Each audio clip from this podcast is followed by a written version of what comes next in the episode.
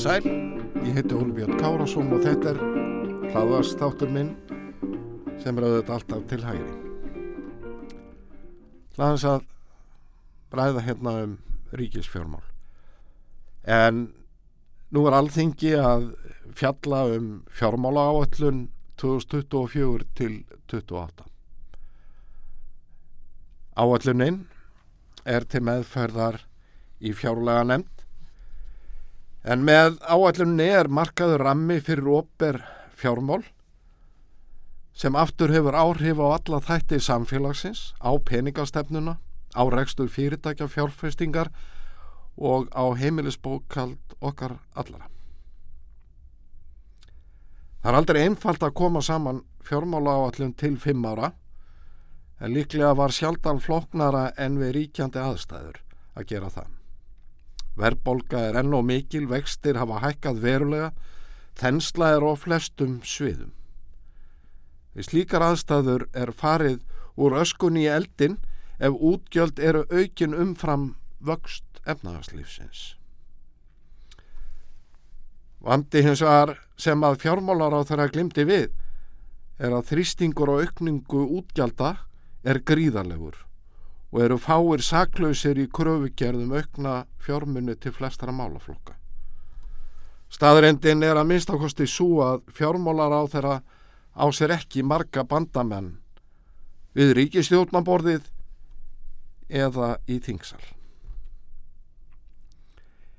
Í lögum um ofinbær fjármál sem samþygt voru í desember 2015 eru settar fram tvær fjármálareglur og einn til vara sem ber að fara eftir í ofinbæru fjármálum. Það er afkomuregla, það er heildarjöfnuður hins ofinbæra skal vera jákvæður yfir 5 ára tímabil og árlegur halli aldrei meiri en 2,5% af verkri landsfaramnuslu.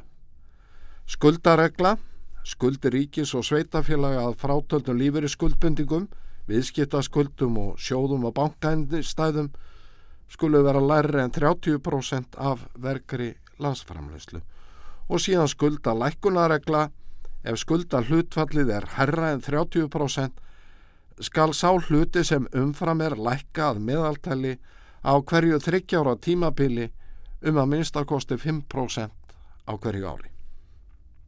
Í greinagerð frumvarsins um móper fjármál segir að með fjármálareglunum sé laður grunnur að skýru verklagi og stefnumörkun í ofinberu fjármálum.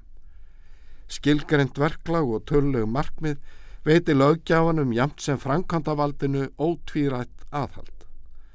Með fjármálareglum frumvarsins er því leitast við að skapa viðtæka sátt um langtíma markmið í opperu fjármálum svo að festa ríki í framsendingu þeirra frá einu kjörtímabili til annars eins og þar stendur. Um það verður vart, vart deilt að setning lagana var mikið framfaraskrif og merkileg hver rík samstaða náðist á þingi aðeins nokkrum árum eftir fall viðskiptabankana og efnaðast þrengingar sem fyldu í kjálfarið. Aðeins fjóri þingmenn greittu atkvæða á móti lögunum og eitt satt hjá. Það var langt í frá sjálfgefið að svo viðtæk samstaða næðist á þingi með hliðsjón af sögunni. Frá árinu 1980 til ásloka 2013 hafði heldar í öfnuður hins ofinbera verið jákvæður sexinum en neikvæður 24 sinum. Heildar í öfnuður anhluta ríkisjós hafði verið jákvæður í 12 ár en neikvæður í 22. Heildar í öfnuður sveitafélag á sama tíma var jákvæður í 8 ár en neikvæður í 26. En lögin sína skýran vilja þvert á stjórnmálaflokka til að koma á auknum aga og ábyrð í ofinveru fjármálum. Í COVID-faraldrinum var fjármálareglunum sem ég nefndi áður vikið til hlýðar til loka árs 2025. Stjórnvöld en ekki síður hagsmunaaðilar á vinnumarkaði töldu þetta nöðsilegt svo undværi að grípa til aðgerða til að verja fyrirtæki og heimili í þeim efnahagslegu þrengingum sem gengu yfir. Hægt er að deila um hvort gengið hafi verið of langt eða of skamt í mótvægisaðgerðum hins ofinbera en árangurinn er óumdeldur. Stemt er að því að virkja fjármálareglunar að nýju frá og með árinu 2026. Lögin um ofinber fjármál fólu í sér miklar umbætur er reynslan hefur leitt í ljós ákveðna galla. Afkomuregla og skuldaregla dögu ekki til að tryggja nöðsynlegan aga í ofinberum fjármálum. Afkoma er ekki góður mælikvarði á aðhald. Í uppseiplu getur mikill vöxtur teknast upp til góða afkomu en á sama tíma gefið tækifæri til aukin slaka í opveru fjármálum sem magnar hagsveifluna.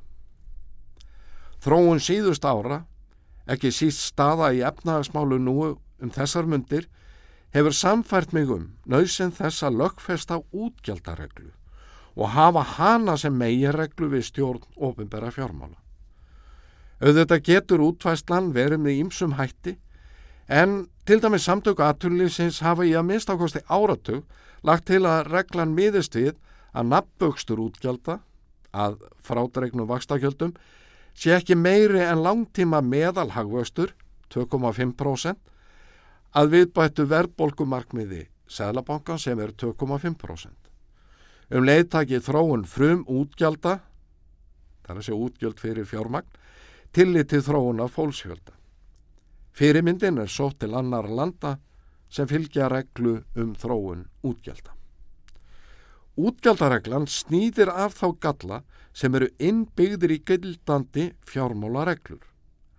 Með slíkri reglu fær fjármálar á þeirra beittara verkværi en áður til að stöðla að ábyrgri stjórnaríkisfjármála sem stiður við aukið jafnvæði í þjóðarbúskapnum.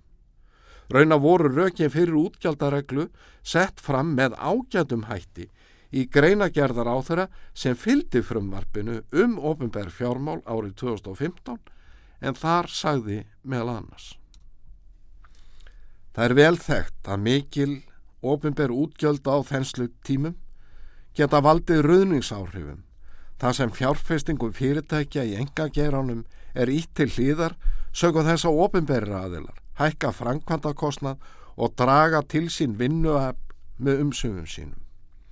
Ef hagstjórnaraðgerðir í peningamálum og ríkisfjármálum er ekki samhæfðar koma ruðningsáhrifin fram í þrýstingi á launastígið og í háu vakstastígi sem íta fjárfestingu til hliðar.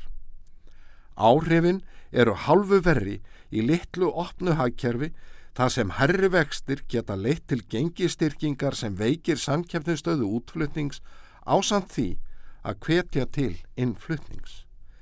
Rauðningsáhrifin draga því úr vakstar getu hagkerfisins til meðallangstíma og valda því að niðursveiflur verða óhjákömmilega mundýpri í kjölfarið þar sem töluverðan tíma tekur að koma fjárfestingu aftur á skrið.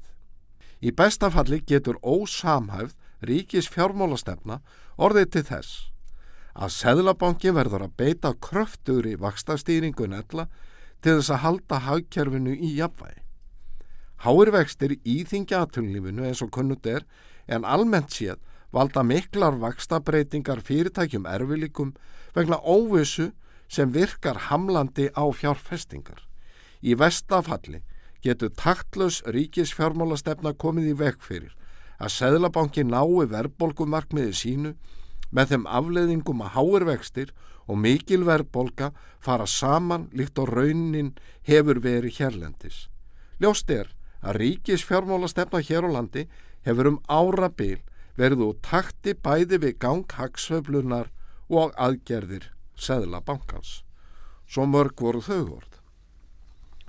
Útgjaldareglan sem er útfærð með þeim hætti sem ég fór með hér áðan stöðlar að meira jafnvægi hakkerunu.